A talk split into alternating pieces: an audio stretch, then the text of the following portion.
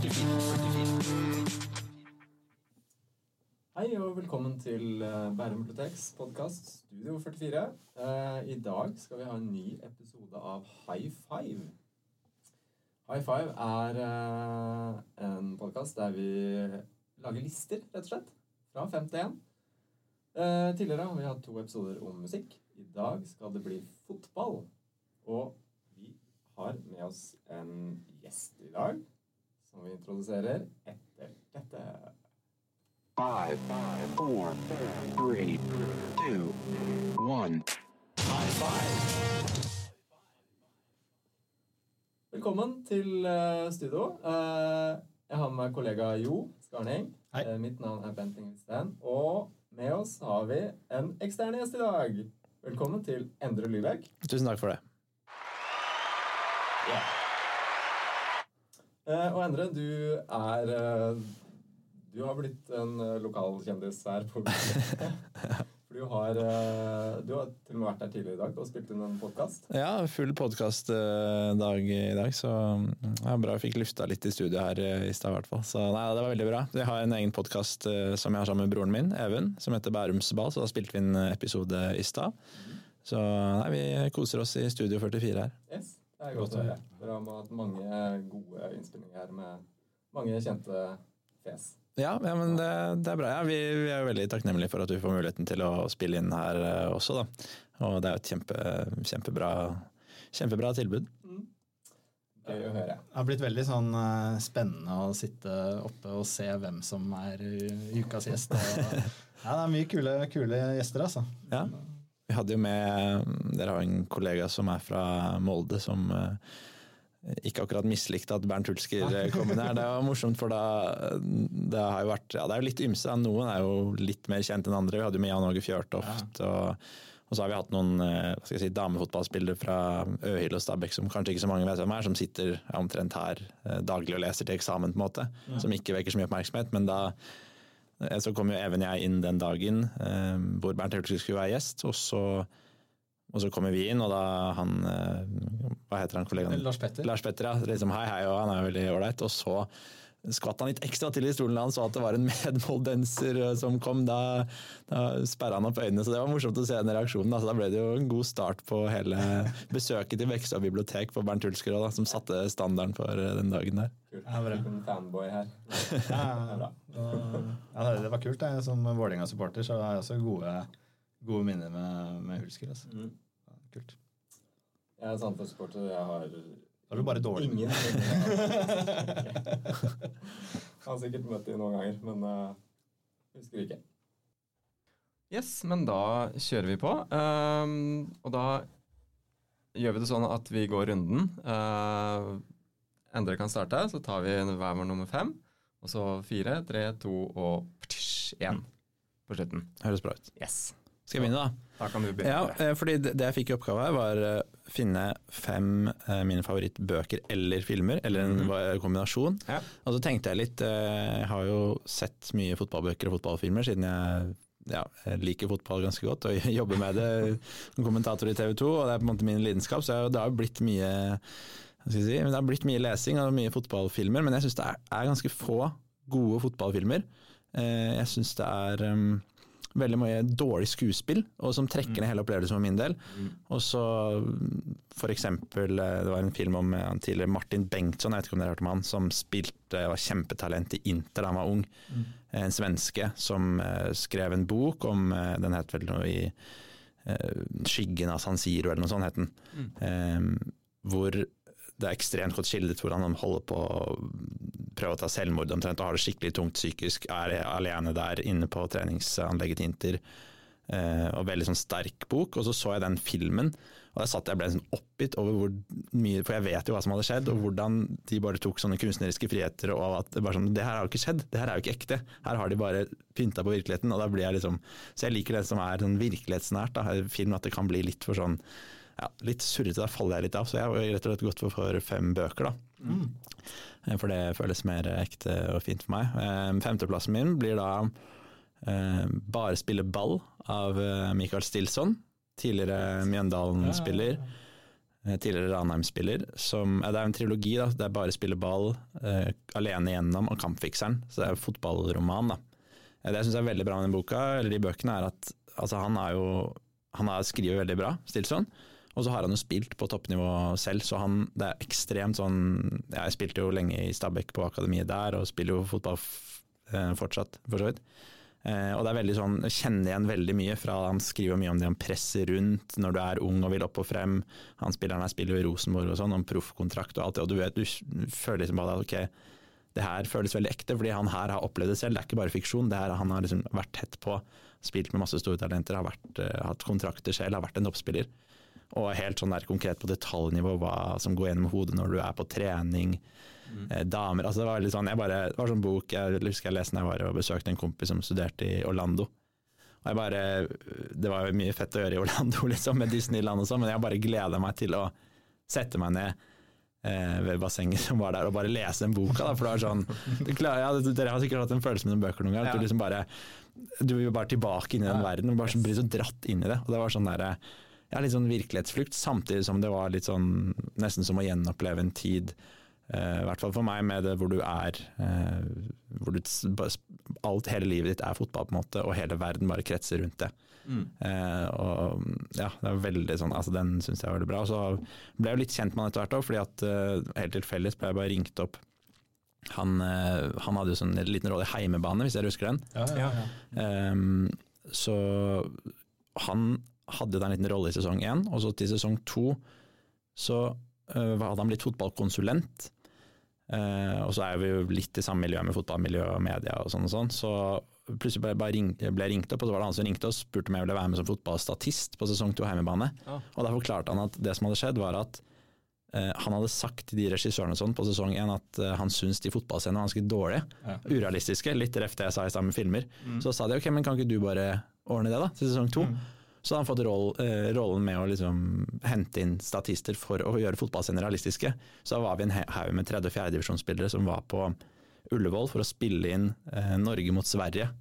Hvor han, eh, hovedpersonen, han, eh, Aksel Bøyum spiller, eh, spiller på landslaget. Så var vi, var vi jo 20 andre som skulle spille Norge og Sverige-spillere.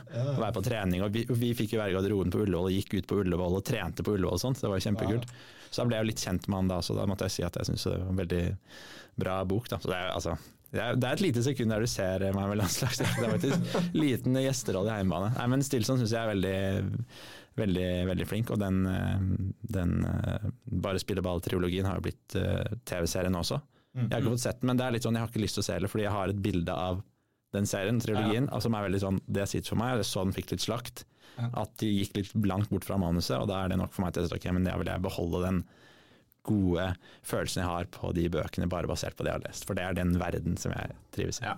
ja, det kan ofte bli helt annerledes når du ser det, for du, du danner deg jo egne bilder av hvordan ting er, hvordan karakterene er og i det hele tatt. Ja, Og- ja. hvordan du har sett det for deg. Ja. Eh, Det er jo veldig kult, kudos til deg da, å bli headhunta Ja, ja, når du skal få fotball til å se ekte ut. Hvem er det du ringer? Da ringer vi. ja, det var jo hyggelig. Ja. Det, var jo, det var ikke så mye som ble tatt med heller, men eh, nei, det, var, det var veldig kul, kule dager på, på Ullevål der, da. Men eh, det er jo ja, det er jo litt sånn når det, det kommer vel ofte litt sånn som den serien den heter vel Beist, som har blitt eh, basert på disse bøkene. Den kommer på NRK nå, og jeg har som sagt ikke sett den. Men utfordringa vel er vel ofte at de som lager TV om fotball, ikke har så mye peiling på fotball. Og det som dyrkes er jo ikke om det er en realistisk, eh, et realistisk veggspill, eller om det er en realistisk bakgrunnspasning. Det er jo konflikten og persondrama, og så drukner både fotballen litt i det. Og så blir det helt sånn For meg i hvert fall så trekkes veldig ofte da inntrykket ned når du plutselig ser at det bare er sånn altså De kan ikke spille, da blir jeg bare oppgitt på det, og så klarer jeg ikke å ja.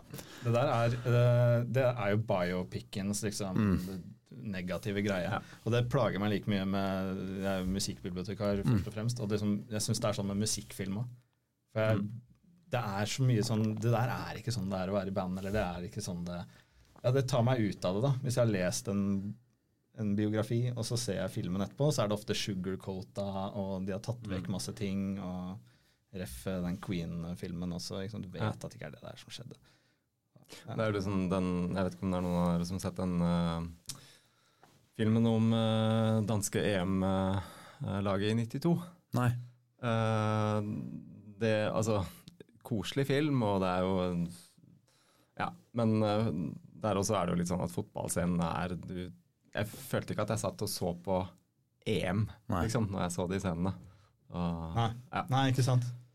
Men vi snakker oss helt bort. Men uh, Michael Selsen den eh, Vi har den på ungdomshylla her oppe. Mm. Den vant eh, U-prisen for beste ungdomsroman, faktisk, i, da den kom ut, den første boka. Mm.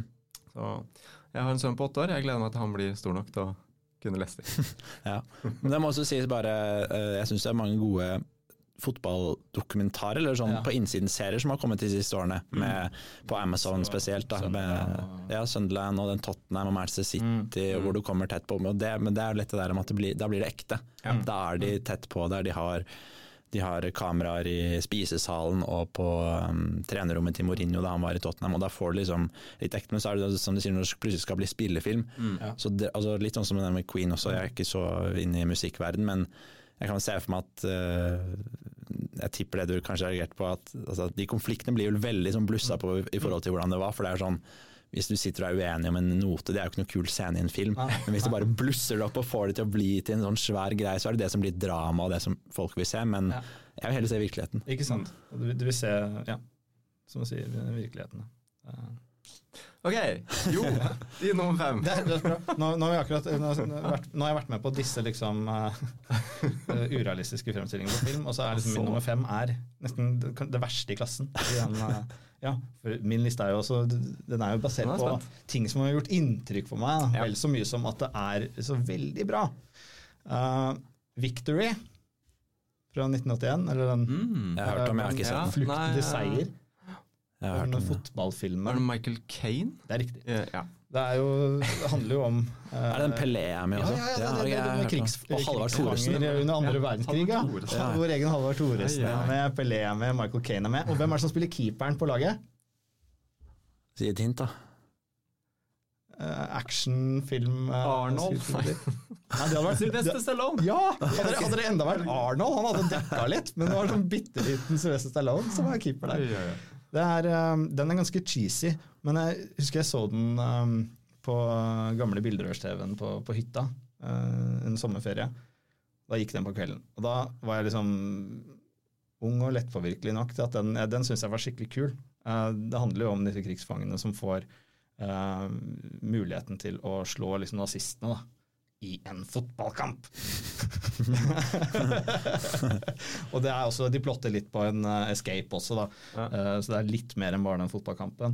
Uh, men, men det er liksom Jeg har jo sett den igjen nå, og det er det stjernegalleriet som er morsomt. Og det er, det er mangel på kjemi. Mm.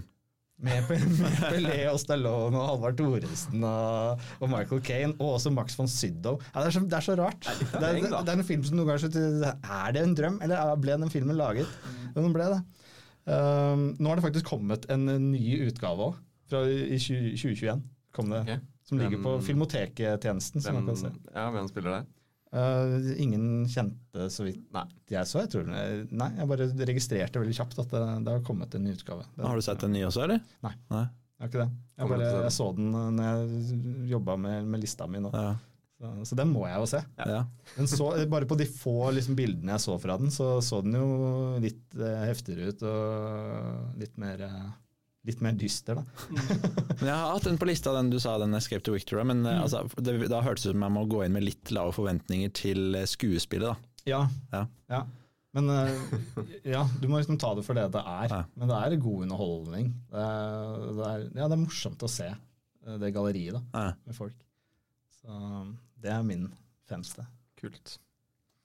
Uh, min nummer fem er Nå skal vi tilbake til bøkene. Vi skal tilbake, vi skal tilbake i tid, til 1995. Da eh, var det en eh, uruguayansk forfatter som heter Eduardo Galeano, som ga ut 'Fotball i sol og skygge'. Det vil si, han ga ut den spanske eh, utgaven av det. Den kom på norsk i 1998. Og eh, altså, jeg har også laga lista litt sånn som du sier, jo, at eh, basert på ting som eh, har fascinert meg der og da. Ikke nødvendigvis om dette er de aller beste høykvalitetsbøkene eller filmene, men, uh, men den her har jo også fått masse anerkjennelse. Det er uh, Altså Det er en annerledes fotballhistorie. eh, gjennom enkeltspillere, klubber, kultur og tradisjoner og masse anekdoter og fascinerende små historier som ikke bare de store stjernene. Eh, og han skriver enkelt, uten, for mye, eh, uten veldig mye fagterminologi. Så jeg husker jeg leste den for sånn ca. 20 år siden. Og den ble kanskje en liten sånn øyeåpner til litteratur om fotball for min del. da. Jeg hadde jo lest uh, Solstad og Michelet-bøkene, selvfølgelig. Vokste opp på 80-tallet med det, men, men det her var uh, Det var liksom noe nytt for meg, da. Han skriver jo litt poetisk og ja. Så veldig fin uh, inngang til litteratur om fotball. Og han, eh, han flykta fra Uruguay til Argentina pga. militærkuppet i 1973, og så måtte han flykte det igjen da eh, i militærkuppet i Argentina i 76 til Spania, og så flytta han tilbake til Uruguay igjen i 1985. Så Eduardo Galeano er eh, en kar som bør sjekkes ut. Uruguay, fine fotballtradisjoner. da. Yes. Mye bra spillere og mesterskap. Og, ja. Ja. Er Helt utrolig så Lite lite land, Ja. Mm. sammenlignbart med Norge. Ja, de har vel ja, under fire millioner innbyggere eller noe sånt. Mm, jeg husker jeg det. Og, ja. Er det, kun, er det kunstgress som gjør det? Jeg Eh, Jeg vet ikke. Jeg har uh, bussa litt rundt i Uruguay. Jeg så ikke noe kunstgress, men eh, det, var ikke, det var ikke derfor jeg var der. Hvorfor bussa du rundt i Uruguay, da? Fordi jeg var i Buenos Aires, Ah. og så tok vi båten over og var der i et par dager. Så vi skal tilbake til eh, Buenos Aires og okay. etterpå. kult. En liten tease. En liten tis. Eh, da er det Endre sin nummer fire. Ja, eh, jeg har, Sinus du sa Uruguay, jeg vurderte å ta med en eh, kjent uruguaner, Luis Suárez sin biografi, som jeg har lest. Den var ganske kul, eh, men jeg har tenkt å liksom eh, eh, ta litt forskjellige typer bøker, da. Den forrige var en eh, roman, eh, men her har jeg gått for en annen biografi, og det har jeg gått for biografien til Francesco Totti.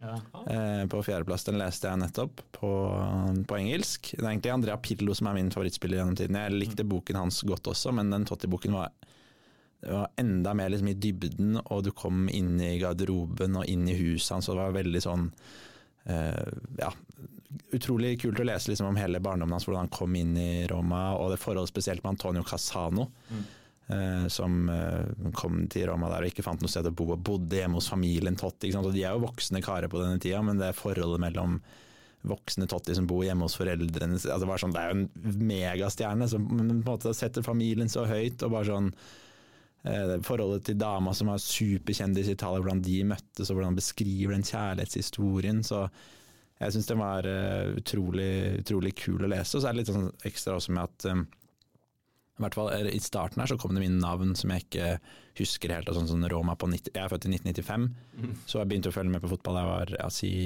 7-8. da, så Fra 2003 og utover så blir det sånn, da kjenner jeg navn. Før det så er det litt sånn vanskelig når det kommer inn navn jeg ikke husker, men jeg har på en måte vokst opp litt med Totti. da.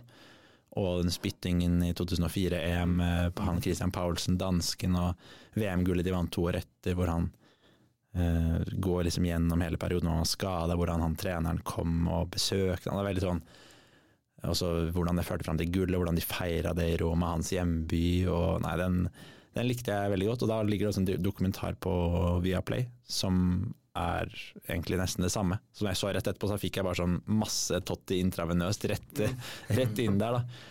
Um, så nei, den, eh, den, likte jeg, den likte jeg godt. Bra tips. Totti er jo eh, Så Pirlo er fantastisk spiller og som sånn mystisk person. Mm. Totti liksom enda mer Vet ikke, enda mer en karakter, kanskje. Ja, har dere vært i Roma, eller? Ja. Ja, det er, ja du ser jo det der liksom hvor, hvor stor han er. Jeg var i Napoli i fjor sommer, og der er jo Maradona selvfølgelig Mm.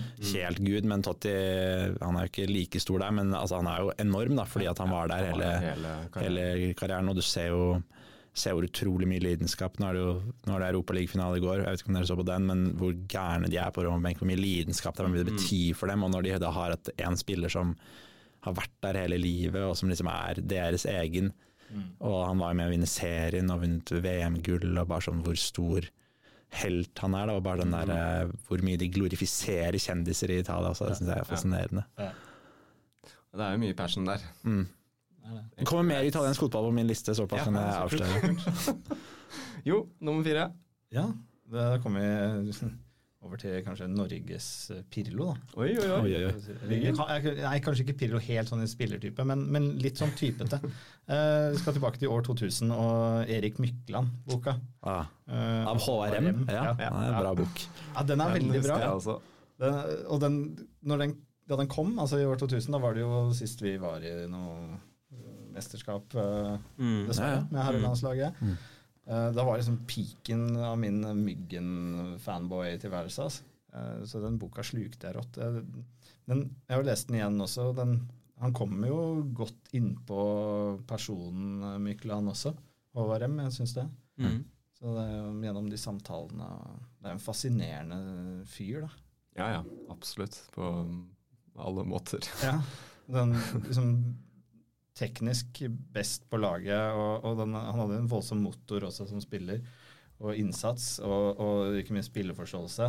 Eh, men så anså han ikke seg selv som noen toppidrettsutøver eller uh, eller sånn. Uh, Bohem-type, da. Mm. Egentlig, egentlig litt rart at han lot noen skrive en bok om han, føler jeg. Mm. Fordi han stiller jo ikke opp på noen ting. og Jeg jobba jo i, i Dagbladet før som journalist. Og det var veldig sånn øh, ja, Da jobbet jeg i Dagbladet Pluss, da, så skrev de sakene bak betalingsmur. Og det var jeg som skrev flest sportssaker. Og var liksom, kan vi prøve å få tak i Myggen?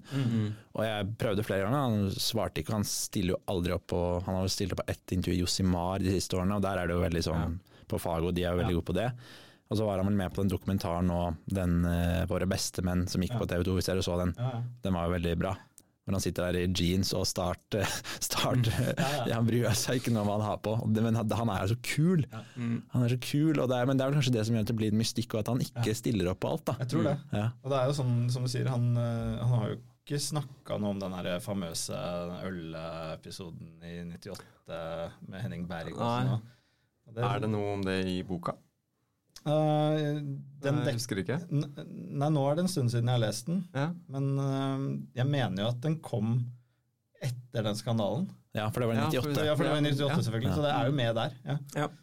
Eh, men, eh, men men jeg tror ikke det kom noe revolusjon. Jeg husker jeg leste den, jeg husker at jeg, la- det var ikke noe sånn revolusjonerende. Nei, for han, han liker ikke å prate om det, og han Nei. liker ikke å prate om det nå heller. Altså, det har jo vært journalister som har liksom prøvd å dra opp det der. Men eh, Nei, så det er vel ikke noen stor del i den eh, boka der. Men uh, han har jo så hatt sånn boikotter av landslaget. Aldri noe lange, men sånn en halvtårsperiode og sånn også, pga. spillestil og, og ja, unorsk type, da. Ja, var jo en fantastisk spiller på sitt beste. Mm. Jeg husker noe fra jeg er litt eldre enn dere. Eh, Så jeg er nesten like gammel som Myggen. Ja. Han var jo det store idolet i ungdomsåra da jeg vokste opp og spilte fotball sjøl. Jeg kan jo også røpe at eh, jeg eh, fikk uh, kallenavnet Myggen sjøl. Ja, du ligner jo litt. Hjemlig mm. Ja, det var Ja. vel mye det, da. Ja. Med skjegget og håret og i det hele tatt. Og så jeg er en liten tekniker, jeg, og på, på, på Litt litt, sånn- litt annet nivå. Ja, ja. Men eh, ja. Det er bra at han får eh, formidlet sine fotballkunnskaper videre nå. så Han er jo trener Mm. i Start, har vel vært trener på Start 2 de siste årene. Og vært med rundt juniorlaget og sånn, så det er bra å ha en sånn ressurs i norsk fotball. Yes. absolutt. Jeg var, var på en ferie i Hellas. Eh, Det var i Ja, det var jo i den perioden her. Kanskje det var i år 2000, jeg husker ikke. Men eh, Nei, 99, tror jeg kanskje. Men da tok jeg taxi, eh, og så spurte liksom taxisjåføren hvor vi var fra, fra Norge, og sånn, og så bare ah, Mykland! For da var det Panathinaikos-perioden. Da var jeg, det, var, det var kult som nordmann, altså. Ja. Uh, yes! Da ble jeg stolt.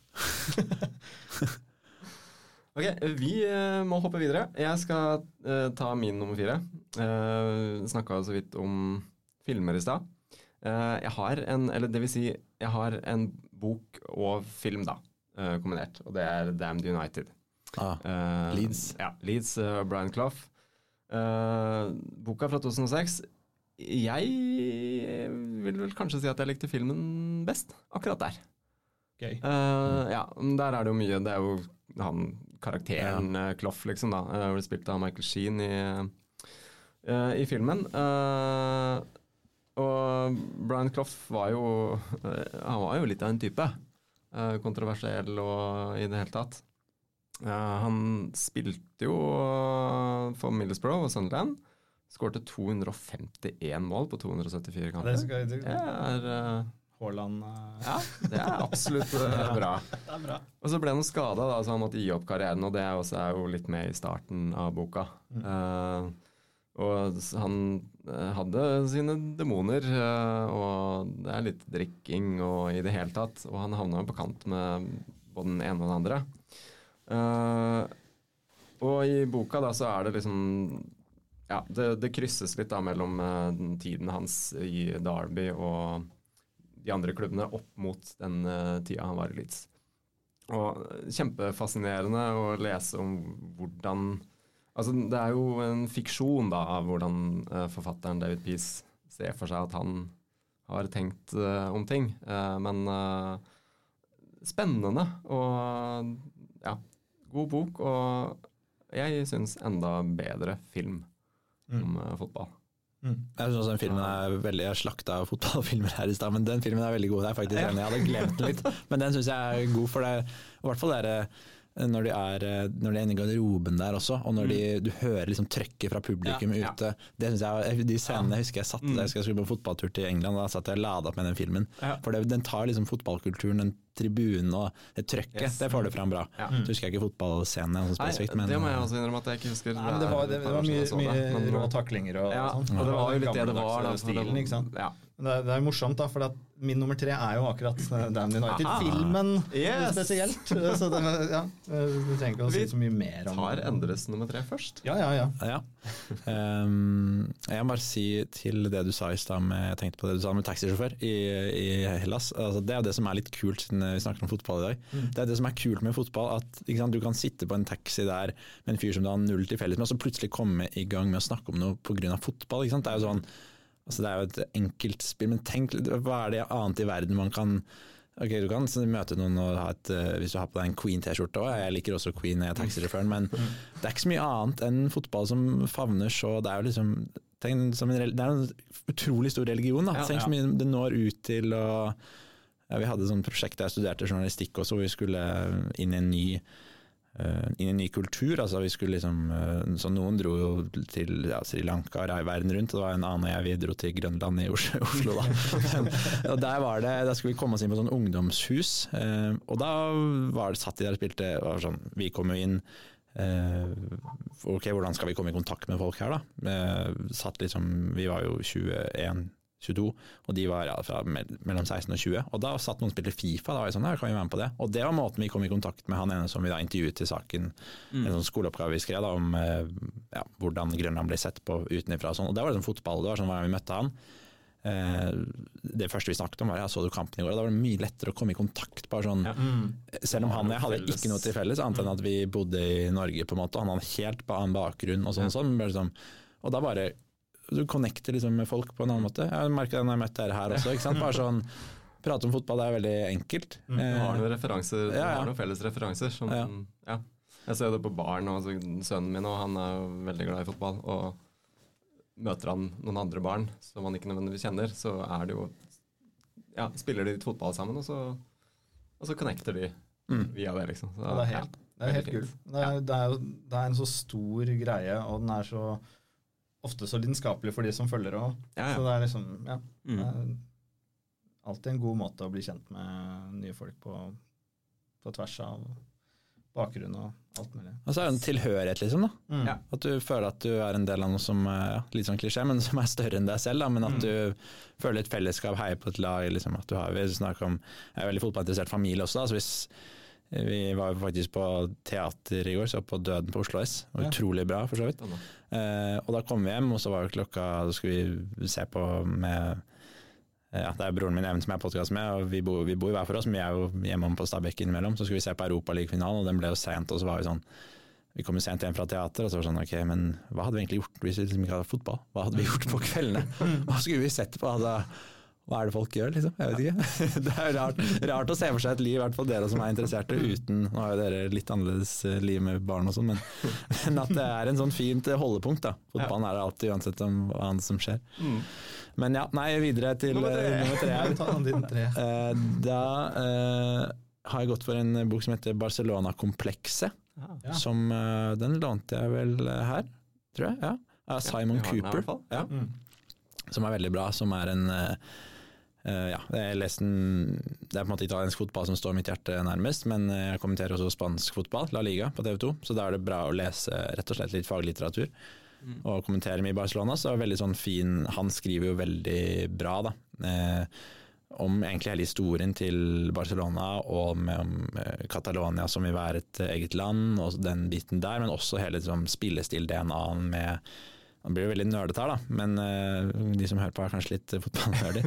Med Cruyff, hvordan hans stil har påvirket Pep senere, og hele Barcelona-DNA-et, og som nå videreføres med Xavi, og hele den pakka der. Da. Ja, og så er det en sånn helt nydelig sekvens hvor han er hjemme hos Johan Cruyff. Han, er, han Simon Cooper beskriver hvordan han har sett opp til Johan Cruyff hele livet sitt. til Han er nederlender, han òg.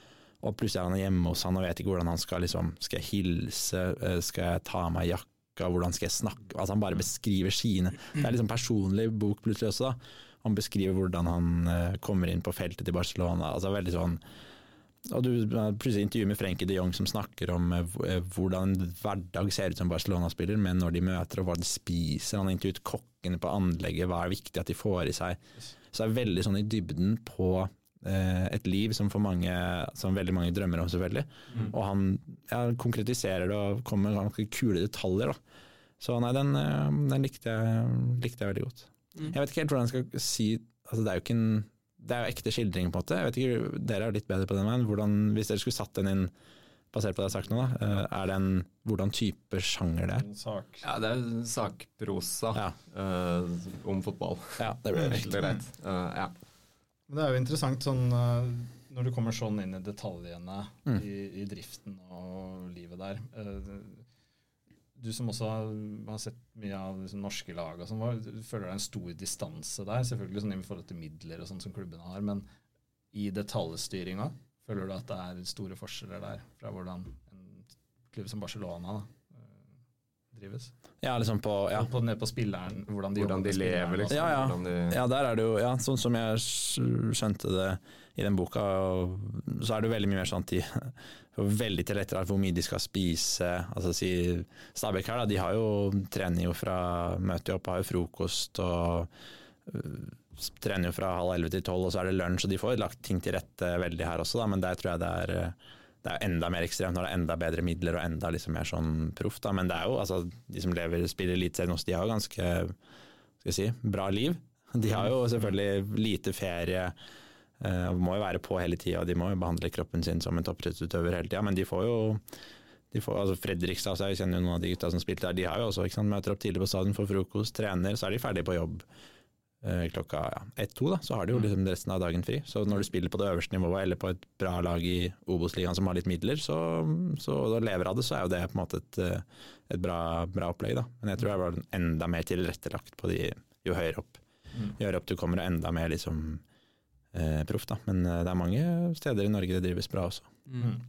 Men Sandefjord, da, som er din uh, favorittklubb, der, der var det mye Det er helt der har jeg hørt at det er mye, mye rart, og de hadde en uh, Plutselig hørte jeg det ene året der at de de hadde masse skader hvor de ikke skulle varme opp, og at uh, ja, Der var det plutselig en fysio som var kjempeung, som på en måte ikke hadde noen erfaring, og så skal du inn og behandle toppidrettsutøvere og kropper. og så Der var det flere som var misfornøyd med det, vet jeg. Så det varierer selvfølgelig litt fra, Ja. fra lag til lag, men eh, Det har jo vært noen diskusjoner eh, om hvordan Sandefjord drives Mm. generelt. Mm. Det har det jo. Ja. Det er ikke- ikke Felix Magat som er i fysioapparatet der? Vi kan eh, snakke mer om det en annen gang. Vi kan lage en egen Sandefjord-podkast.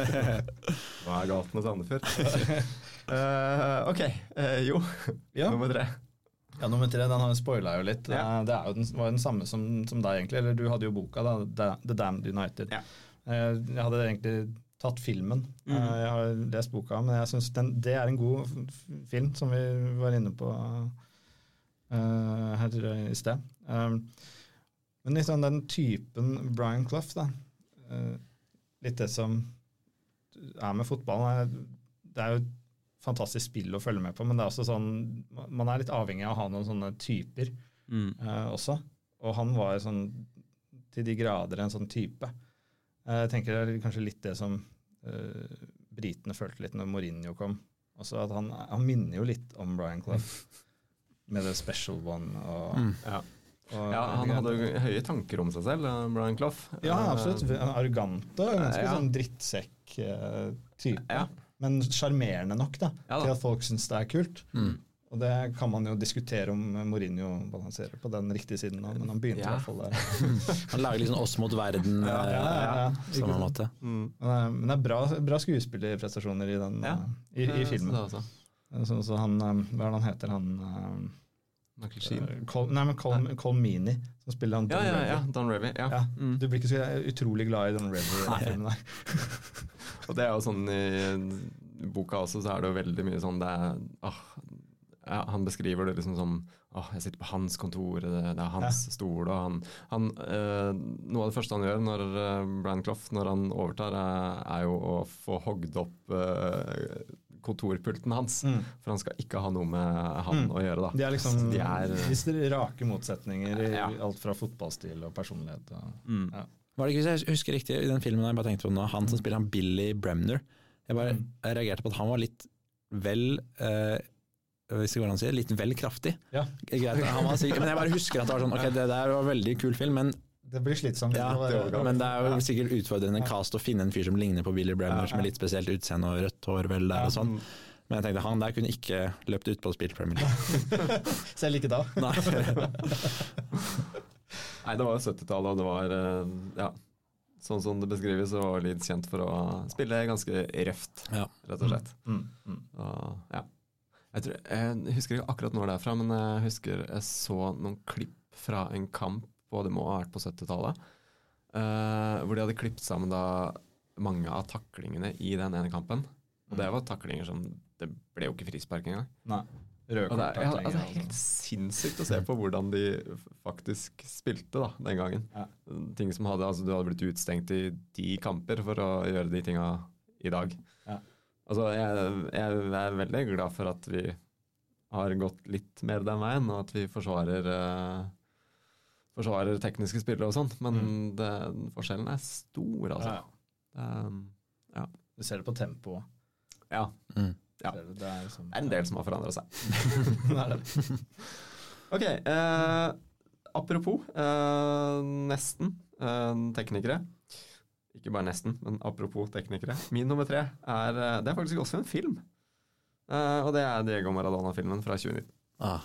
Jeg husker jo Maradona fra jeg var barn. Jeg var ti år i VM i 1986, og det var var helt fantastisk å sitte og se på det da. Altså, Guds hånd var også helt greit for en tiåring. Det, det var Maradona. Han, Han var helten, liksom. så det- han var det helten, og det han gjorde, det var liksom satt og klistra til TV-en og bare wow, liksom. Det, ja, det var så stort. Og den filmen fra 2019 er Det har jo kommet en dokumentar om han tidligere også. Uh, men den filmen fra 2019 var, den syns jeg var ekstra god. Uh, og det var jo også før han døde, Mm. faktisk. Han døde jo året etter.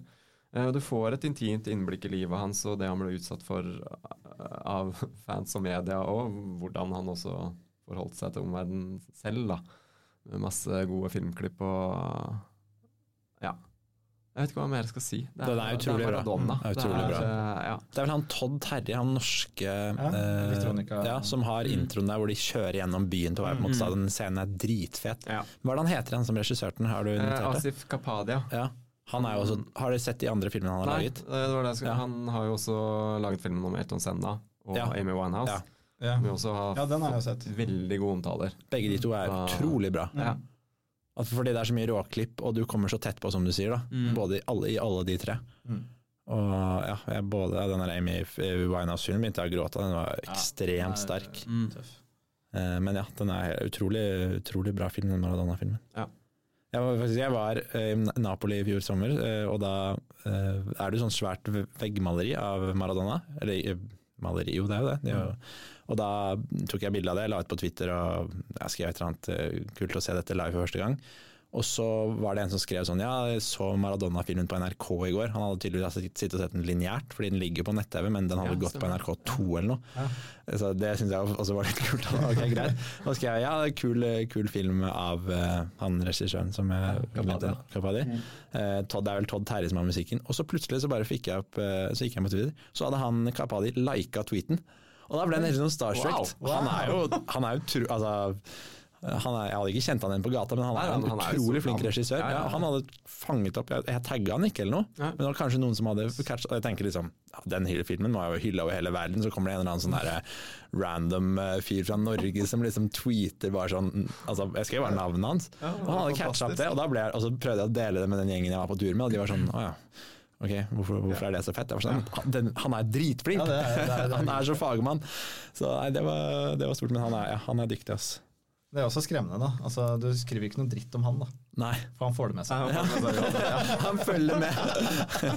Det er sånn autosøk på navnet sitt på Han har foreløpig laga gode filmer, da. Ja. Bare litt ja, tilbake til han, si han som har regissert eh, Damned United, eh, Tom Hooper. Mm. Han lagde jo 'Kongens tale' året etter. Ja.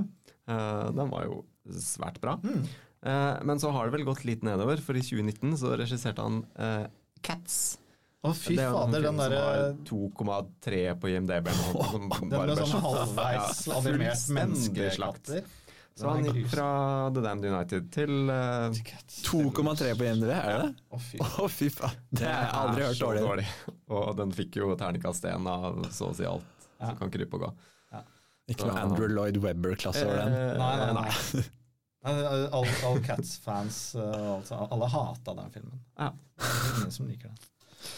Jepp. Eh, digresjon. Da har vi vært igjennom eh, nummer tre på alle sammen. Ja, andre- andreplass vi her. På andreplass, det endre. Ja, ehm, da sto det mellom tre norske jeg har nettopp eh, lånt her på biblioteket. Eh, eh, Kunst og gress, som er en samlingsbok av alle artiklene til en eh, ja, du vet hvem det er? Simen Gonsolt, som skrev i Dagens Næringsliv. Ikke les den, men Ja. kjenner jo til den. Veldig kul, men den nådde ikke helt opp. Amahl Pellegrino sin selvbiografi leste jeg altså nettopp. Den var også bra. Jeg skal kommentere Bodø-Glimt neste helg, så da var det fin research å lese den.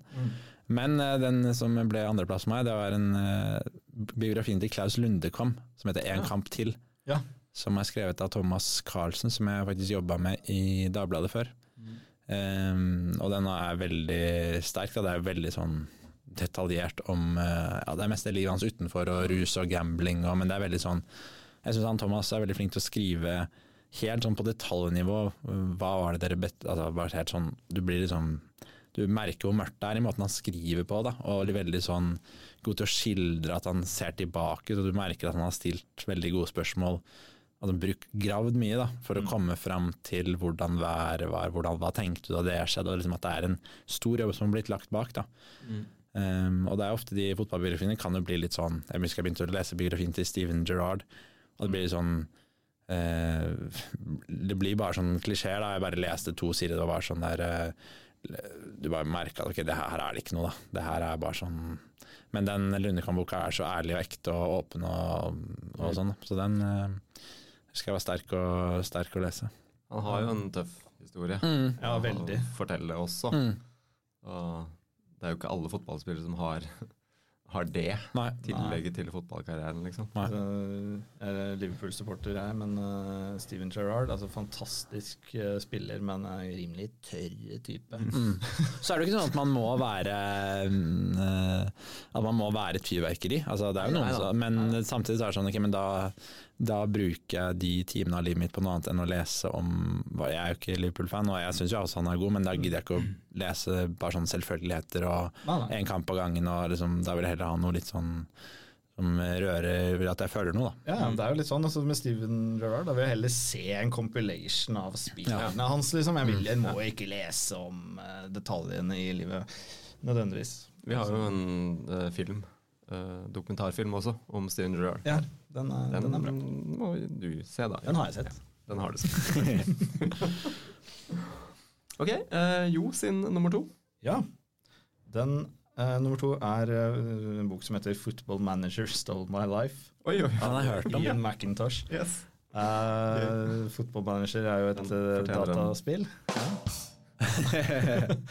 Eh, og den tittelen er jo dessverre altfor sann for veldig mange av oss. Um, Football Manager, eller Championship Manager, da, som det het da det kom, det er jo det første spillet som på en ordentlig god måte da klarte å putte deg inn i rollen som fotballtrener og ikke som spiller i spillene.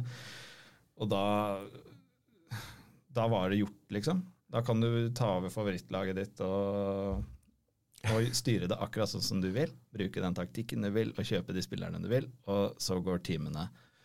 Og nettene. Og nettene.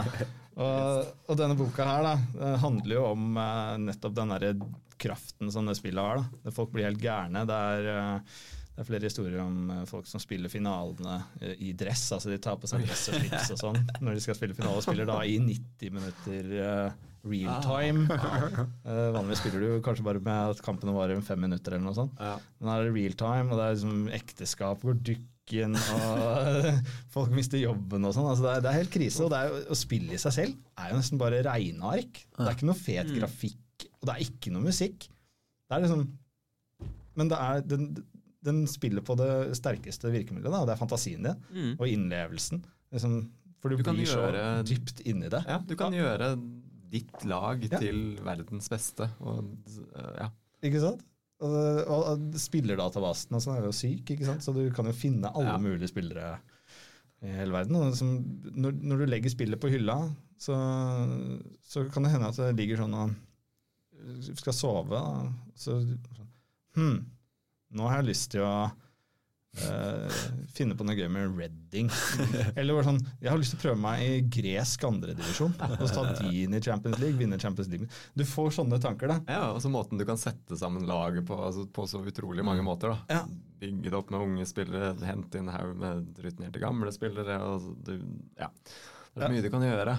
Og I boka da, så får du også skildringer fra profesjonelle fotballspillere. Og sånn som, det er veldig mange som spiller det eh, spillet der. Og S- Ole Gunnar Solskjær er også med i boka.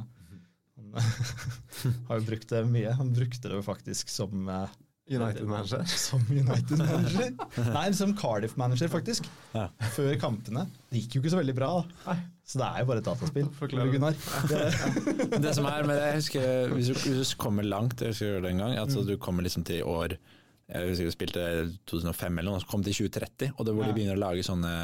Regions. Regions. Ja, ja. Ja, da husker jeg falt ut litt, hvor det plutselig kommer sånn der eh, Michael Olsen, og så er det liksom en eller annen som har sånn eh, crazy tryne. ja, crazy tryne, og født ti år etter at første sim begynte. Da blir det sånn, ok, nå første deres første save begynte, da, og da blir det sånn, ok, nå blir det så urealistisk at nå, nå må PC-en lukkes ned her. Det er det, det er det som kalles en deep save. Ja. Altså Når du liksom har spilt så lenge at uh, 17-åringene som du starta med, Ja. liksom, altså de som var 17 år, eh, virkelige spillere, de, de har lagt opp og sånn. Mm. Altså Det er ingen ekte folk igjen i Deep databasen. save, er det Deep save, ja. Da har jeg sett, sett folk som har spilt eh, til manageren deres er 99 år. Oh.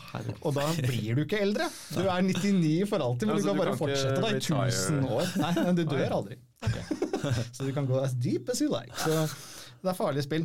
Mm. Uh, takk Gud for at jeg ikke har tid i livet akkurat nå til å spille. Eh, Ja, altså jeg eh, eh, Jeg har nettopp flytta, og da fant jeg jo uh, uh, Championship Manager 2001-2002, uh, eh, CD-en, liggende et sted. Og nå ligger den i en bag. Eh, jeg klarer jo ikke å kaste den. Så vi får se hva det blir til. Men er jeg husker at Eller hvor langt ned går det i divisjonene? Det kan du, du, kan, du kan laste ned tillegg, sånn at du får helt eh, alle divisjonene i Norge f.eks. Oh, ja, okay. Men det kunne du ikke den gangen. Nei, altså Hvis du bare installerer spillet, så går det som regel til andre eller eh, tredje Ja, eller tredje, sånn. kanskje. Ja, for jeg mener å huske at jeg liksom tenkte på det. Bare, åh, tenk når jeg blir voksen. Eller når jeg blir voksen, jeg var jo voksen da. Eh, jeg kunne liksom være med, bare få være med Kjøpe deg sjøl. Kjøpe deg sjøl. Kom aldri så høyt, men uh, satser på at uh, guttungen klarer det. Ja. Være med på Football Manager. Det er mitt, var mitt ene mål i livet å bli med på FM, så klart jeg, jeg er på én save. Hey, det er det? 2015 da jeg spilte i Follo. Ja, det, ja, det er Ja, det var faktisk det var, det var et av de største øyeblikkene i livet mitt. Hvor, hvor var det du endte opp? Hvor var det du plasserte deg sjøl? Eh, Det som var at Da gikk jeg et årsstudium på Norges idrettshøgskole, eh, på NIH, på idrett og samfunn. og da, Jeg hadde ikke spilt på mange år da. Også, men så hørte jeg at det var sånn, ja kanskje når du spiller, for da spilte jeg junior interkrets i Follo, altså øverste inter- juniorserien. Så var det en som jeg gikk i klasse med som eh, han jobber vel i Nottingham Forest eller noe sånt tror jeg, som har gått liksom videre den veien. som plutselig bare ja, Se om du er liksom her, da. Så bare Da hadde det kommet en ny oppdatering, og bare ja! Og det ble helt ellevill stemning i forelesningsrom nummer syv der, da. Det syntes jeg var dritkult. Og jeg hadde liksom bare glemt litt, og tenkte litt på det bare innimellom, noen som sa det, og så, bare, og så plutselig bare sto det der, da. Men de statsene var helt på trynet, da. Jeg er jo midtbanespiller, god med ball, men der var jeg liksom en forsvarskriger, da. Så det var litt sånn ah, Kom igjen, da. Hvem den som har giddet å lage det her, kunne ikke gjort det litt mer ordentlig, da. Så det var litt sånn nedtur. Men den har henger faktisk oppe i leiligheten min, den, et screenshot av den FM-profilen. Ja, det, det, er, Ja, det må man ha. Ja, men, eh, nei, for det skal jo egentlig være scouts. Ja. Men hvor langt hvor Ja. grundig kan du egentlig kanskje altså? Ellers har du vært en liksom der og, og bare sett på deg og bare Nei, du er en, du er en forsvarskriger, du. altså. Jeg så helt nye øyne. Han er en fetter også som, eh, som har spilt eh, i Follo og Lyn og KFM og sånn på A-laget. Og han heter, han heter Anders Lubek, da. Eh, Så det var ganske De statsene minna veldig om hans spillestil, så jeg tipper kanskje at han som har laget den, bare har tenkt at å ja, de er sikkert litt like, eller noe sånt. Men det er jo i motsetning til det dere har gjort her, dårlig research. Men du er der i hvert fall. Ja, det er jo noe å ta med seg. Ok, jo, nummer to. Det var den. Det var den. Ja. Er det- Eh, ja, den herregud. boka har ikke Ja. vi, dessverre. Altså, 'Football Manager Stole My Life'. Den, den, den har vi ikke på biblioteket per nå, men den kan du låne hvis du går inn på biblioteksøk. Så kan vi bestille den. Men hente den her. Ja. Bærum. Det er meg nummer to, da. Det er deg, nummer to. Yes. Uh, vi skal tilbake til Norge. Uh, en relativt ny bok fra et par år tilbake. Uh, Nils Henrik Smith han skriver jo mye for Josimar. Han er jo også romanforfatter. Eh, han eh, ga ut en bok som heter 11 meter, straffesparkets historie. Eh, og der går han jo rett og slett gjennom straffesparkshistorie fra begynnelsen og til eh, epilogen hans om fremtidens straffespark. Og innimellom der så er det uh, historier om mange forskjellige berømte straffespark og litt mindre kjente straffespark. Og det jeg syns var kult med den boka, da, var at han, han tar liksom ikke bare for seg de store, kjente. Men uh, du får historier om Laton Orient og Elfenbenskysten. Og litt sånn om hvordan stjernestatus kanskje kan påvirke deg når du tar straffespark. Roberto Baccio, eksempel. Det er et av de tristeste øyeblikka i fotballhistorien, for min del i hvert fall. Å se Roberto Baccio aleine ute på banen der og bare Etter at han missa straffespark i VM. Med Rottehalen. Hva? Med rottehale. Rottehalen. I 90. I 90, ja. Det var, eh, å, det var vondt å se på. Han var jo den store spilleren. Jeg har en Baccio-drakt som jeg fortsatt bruker av og til. Ti på ryggen. Eh, ti på ryggen, ja. Ja. Stemmer. Eh, Panenka, historien om Ja. Panenka, hvordan det oppsto. Og Stoja Bucuresti i 1986. Eh, de spilte eh, ja, det som nå er Champions League. eh, finale mot Barcelona, og keeperen til Stoja Bucuresti, Helmut Dukadam, redda alle fire straffene til Barcelona. Det var kjempekult. Uh, og så er det selvfølgelig også noen viktige norske straffespark her. Uh, hvis jeg sier Esfandiar Baharmast, hva sier dere da? Oi, oi. Pa- Pass fra meg. Ingen bjeller som ringer. Nei, dere var ikke store karene da. Det var dere ikke. Men det var dommeren som dømte straffesparket til Norge i Marseille i 1998. Så det er også historien der, da. Og så Men det er fint skriver- quiz-spørsmål, da. Ja, Ja. veldig bra. Ja. Ja. Ja. Eh, så, men han skriver liksom en, ja, en dose litt sånn skarp humor, og det er underholdende eh, om eh, fotball. Mye herlige anekdoter og i det hele tatt. Så det var min nummer to. En, ja, så jeg har en haug med boblere. Som uh, kunne nådd opp. Men vi kan Ja, samme her. Jeg tenkte på ja, mange sånne. Jeg måtte, noen som måtte Ja. tas ut. Ja. Og, Uh, så det, var ikke, det er ikke lett. Mange gode, men uh, Og så har jeg også en del bøker som er sånn Som jeg liksom trodde at jeg hadde lest, men som jeg skjønte at nei, jeg har ikke lest det ferdig. Så ja. Men uh, det kan vi snakke om. Men jeg må spørre, fordi jeg har lest mye av han i Nils Henrik Smith i Osimar. Ja. Jeg syns det er litt eh, utfordrende når det, han, for han skriver på nynorsk. Han skriver på nynorsk, ja. Er den boka også sånn? Eh, ja, eller ja, vet du hva? Nå må jeg tenke meg om. Nei, husker jeg ikke. Nei, Jeg kanskje ikke den er syns det. ikke å huske at den var det. Nei. Jeg, jeg, syns- jeg bare syns det kan være litt uh, utfordrende Altså, det går jo bra, men det er litt sånn uh, Ja, altså det er en smak. eh, Ja. sak. Jo, Den sjekker. Den er jo på nynorsk. Ja. Ja. Han skriver jo egentlig Han skriver vel bare på nynorsk. Ja. Men for de som le- leser nynorsk, det er veldig, veldig Ja, ja, ja. Nei, han, skriver, han, skriver, han skriver veldig bra. Jeg Ja. bare merker at det er litt tyngre for uh, huet og øynene Ja, det når man er vant. Ja. Mm.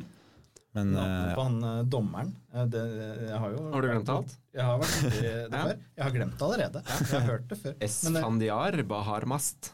Ja. yes. Yes. Fra hvilket land? Eh, det husker jeg ikke. Det er neste quiz-spørsmål. Nei, Min førsteplass det er um, Jeg har jo snakket at, uh, om italiensk fotball tidligere, Mm. og favorittboken min det er en bok som heter Calcio. Vet dere hva det betyr?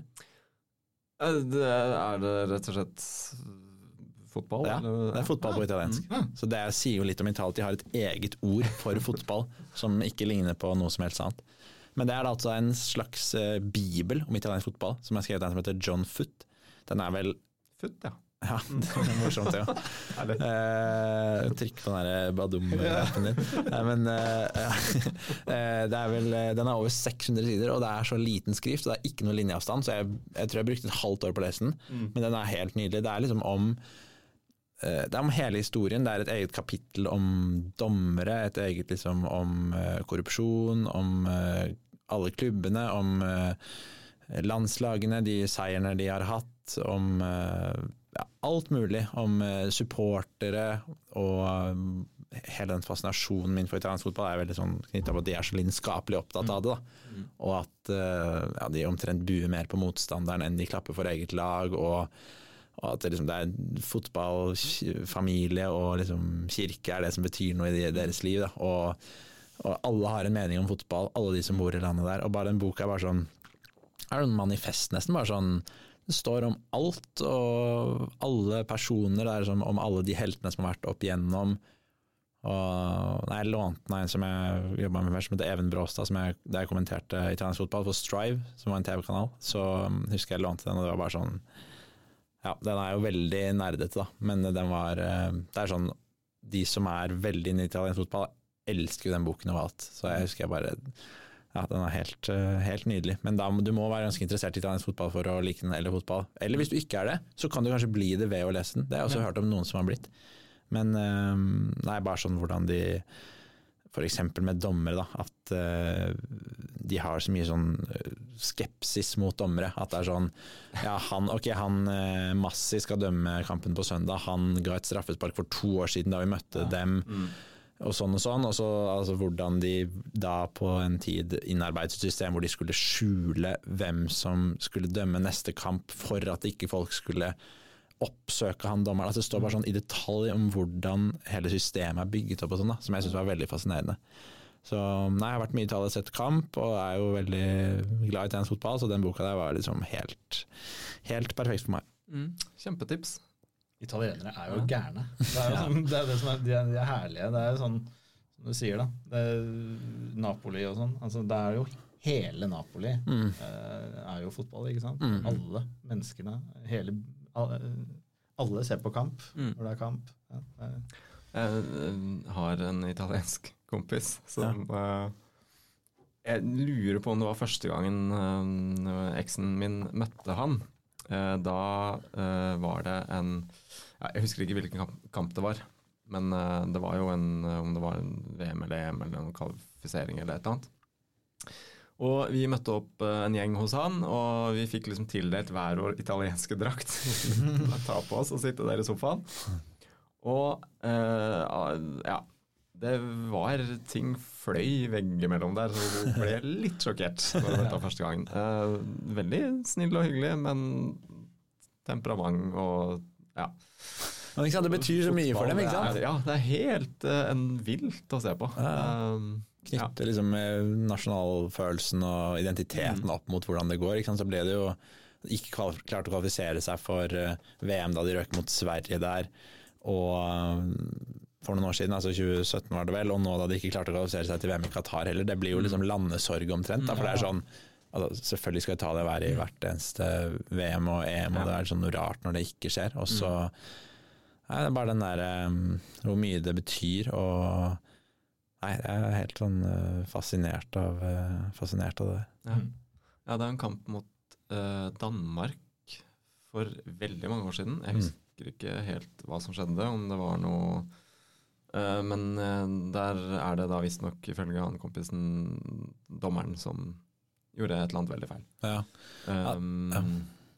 ja, eller kanskje det var den der med resultatet Ja, jeg tror, jeg tipp, Hvis jeg tipper det er EM 2004, så Ja, var det jo at siste kamp Italia, Danmark, Sverige og Bulgaria i samme EM-gruppe der. Ja. Og Danmark og Sverige, for at begge skulle gå videre, så måtte det bli uavgjort. Yes. Og så ble det uavgjort. Ja. Og da begynner jo de ja, stemmer. Ja, korrupsjons... Da, ikke sant? For- Og italienere er jo ikke de er jo ikke super eh, Hva skal jeg si De er jo kyniske, for å si det sånn. Når det går deres vei, da er alt lov. Men når det går andre veien, så er de veldig sånn Da skal de anklage alle andre. Så de er jo litt sånn slangete slangete folk. Og så er det liksom fascinerende med, med Serie A også, da. Altså, være, på kamp der hvor liksom du snakket om Baggio VM i 1990. Det er mange av stadionene som det ikke har skjedd noe på siden de ble laget i VM i 1990. Du står der som sånne gamle rønner, helt sånn nedslitt. Og så, men det er på en måte litt, litt sånn fascinerende også. Jeg har vært mye rundt og sett kamp der, og det er litt sånn, ting er ikke helt på stell. Det er på en måte litt sånn det er- er litt kult, samtidig som det er litt sånn for TV-produktet er, er det jo ikke noe bra når det er masse tomme seter. Folk gidder ikke å komme og se på når det liksom er løp. Altså, det er ikke fordi det er løpende rundt, men det er jo, gjør gjøre noe med hele TV-produktet når det er løpende rundt. Og, og det, er ikke gått, det går veldig opp og ned med italiensk fotball eh, også, men eh, nei, det er bare det der, den eh, ja, passione, lidenskapen som er der, som er eh, Hvis folk ikke har vært på kamp i Italia, så er det en opplevelse uansett om du eh, liker fotball eller ikke, egentlig, for du bare ser ja, verdens største kulturfenomen i eh, aksjon. Du så jo litt av det derre eh, slangete italienske trekkene uh, med Roma mot Bodø-Glimt. Ja, ja, ja. Og det der, Der er virkelig alle triks Mm. skal brukes ass, for å komme videre og for å få et overtak. Det er litt sånn italiensk. Om du kan få inn en liten albue, litt klypetak eller en finger i øyet eller et eller annet sånt. Ja, men det var vel også det i forbindelse med den kampen i går. Ja. eh, Sevilla-Roma. Så Ikke sant? var det også snakk om det at de det er liksom Det er noe de gjør, å flokke seg om dommeren. eh, Ja, og små gang sånne- å, Spark her og der. Og ja. Så ja. er- Italienere. Ja. Men Vi skal eh, vinne. eh, ja.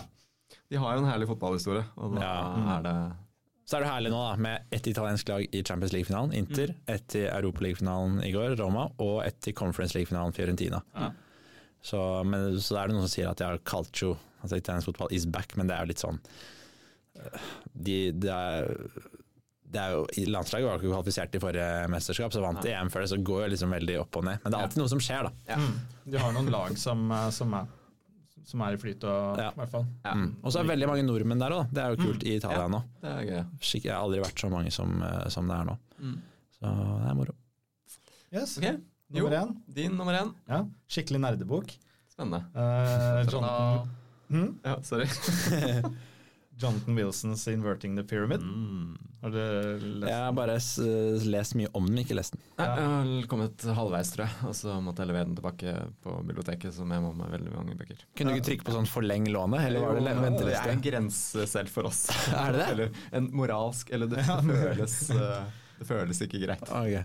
Det er egentlig ikke en grense. Det var sikkert masse reservasjoner i kø. sånn at vi ikke Men eh, det er jo en, det er en nerdete bok det er, som tar for seg eh, fotballtaktikkens uh, historie. da, Og spillestilhistorie. og det er jo sånn en perfekt bok for oss som da har kasta bort uh, titusenvis av timer på football manager. For det er Her kan du få inspirasjon!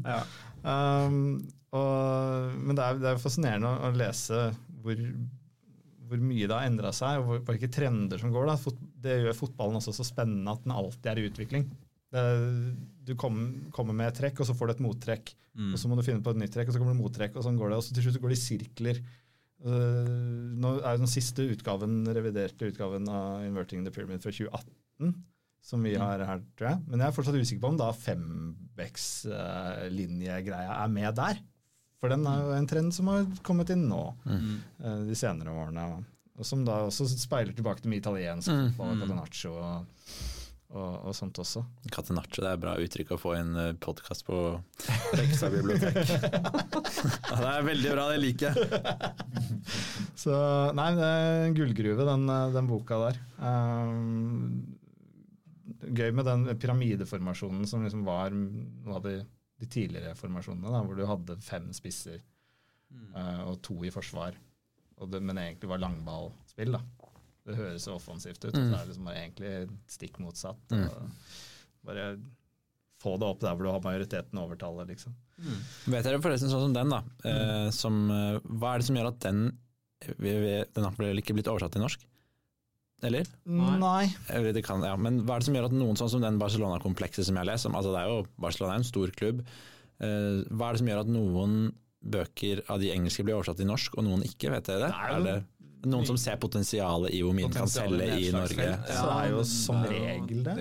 Men, men det er jo en såpass altså, Det er jo liksom kjent som en klassiker i fotballitteraturen. Ja. Så, så det er Det litt rart at det ikke har kommet. ikke. Ja, jeg vet ikke om det er noen av bøkene til Jonathan Wilson som har blitt oversatt. Tror ikke det. Jeg tror ikke det. Og den har jo kommet som sagt i mange reviderte utgaver, og det, Ja. man bør jo nå kunne ha sett at den har nedslagsfelt. Ja. Uh, Men det er jo kanskje litt mer Altså den, ja, Barcelona-bøker Det er jo Det var en norsk også, som jeg leste, en som heter Johannes, Nymark. Ja. Ja. stemmer. Og så er det jo altså, Frykt og avsky Ja, La Liga. Lowe. Ja, ble ja. oversatt. Ja. Så ja, nei, det er ikke godt å si. ofte, ofte bøker som er basert på klubb og spillere, har en større Ja. tendens til å bli oversatt Mm. fordi at de har fans og, og at man ja. Mm. det er, hvis, det, hvis det blir veldig fotballfaglig, så blir det kanskje smalere. Mm. Ja. Uh, at Ja. det kan være noe grunn. Men, Men den Michael burde Cox- absolutt vært en Ja, Eh, Premier Leagues historie, den er oversatt norsk. den er oversatt. Den er oversatt. Mm. Den heter The Mixer, tror jeg den heter originalt. Ja, riktig. Så, ja. Det er også en bra bok. Ja. Den var en slags Den bobler. eh, Den. er også en av de uh, på min liste over bøker jeg tenker på som gode fotballbøker som jeg ikke har lest. Det er nesten en ny podkast. De bøkene som ikke nådde opp på, five-liste. Bøker jeg burde ha lest. Jeg har hørt mye bra om. Ja, ja. Um, ja, men det var min. Det var din. ja, min nummer én. Eh, jeg har jo vært innom Sør-Amerika to ganger tidligere i dag, og jeg har jo en ekstra fascinasjon for Sør-Amerika. Du har Italia, jeg har Sør-Amerika. Eh, vært og reist der tre ganger. Vært eh, på La Bombonera, Ah, stadion i Tebocca. Eh, og min bok nummer én er Den heter rett og slett 'Tears at La Bombonera'. Skrevet av Kristoffer Hylland, som er norsk, faktisk. Eh, han bodde der borte i, uh, i Sør-Amerika i seks år. Og han har dokumentert uh, det. Han uh, jobba som lærer der, men han var jo veldig fotballinteressert, så han Det er rett og slett groundhopping i Sør-Amerika. En sånn kombinert reise- og fotballbok, hvor han beskriver kulturen og historien til søramerikansk fotball og forskjellige klubber. Litt rivalisering mellom eh, Boca og River, selvfølgelig. Eh, og han er jo rundt i Ja, han er vel i Colombia, i ja, Peru, Chile, Uruguay. Han er rundt på forskjellige steder, da. Eh, og det er kampreferater og reisebeskrivelser og tradisjoner og klubbers historie og kjempefascinerende. Og han skriver liksom veldig levende om det, da. Uh, og så er det jo sånn, den personlige biten. Du, altså du, du kommer veldig tett på det livet da, som han lever, og reiser rundt og på forskjellige stadioner og sjekker ut uh, klubber. Og han kommer jo i snakk med masse lokale supportere som har fått være med på kamp og sitte på tribunen sammen med de, de supportergjengene og sånn. Og det er jo en galskap mange steder der også. Uh, veldig mye passion der også. Og ja, La Bombonera, stadion til Bocca, er eh, Når vi var i Buenos Aires, så var jo den store drømmen å dra dit og se kamp. Uh, vi så de mot uh, Var det Union Santa Fe, jeg tror jeg det var. Uh, mener å huske at det var den kampen uh, Rikelme kom tilbake til Bocca. Oi. Så det var jo kjempestemning da. De tapte 3-1, men det å sitte på tribunen der Vi satt helt øverst på tribunen.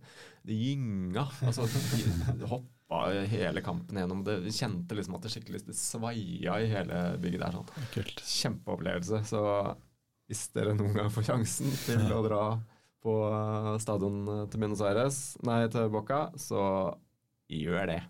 Enkelt og greit. Ja. Uh, ja.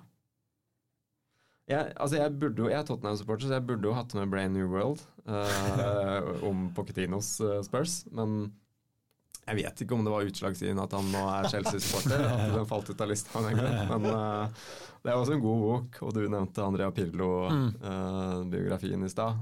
Det er også en veldig fin bok. Den heter vel I Play Therefore I See, eller noe sånt? Nei, ja, eller I Think Nei, I Think Therefore I Play. Play. Ja, sånn er det. Ja. Mm.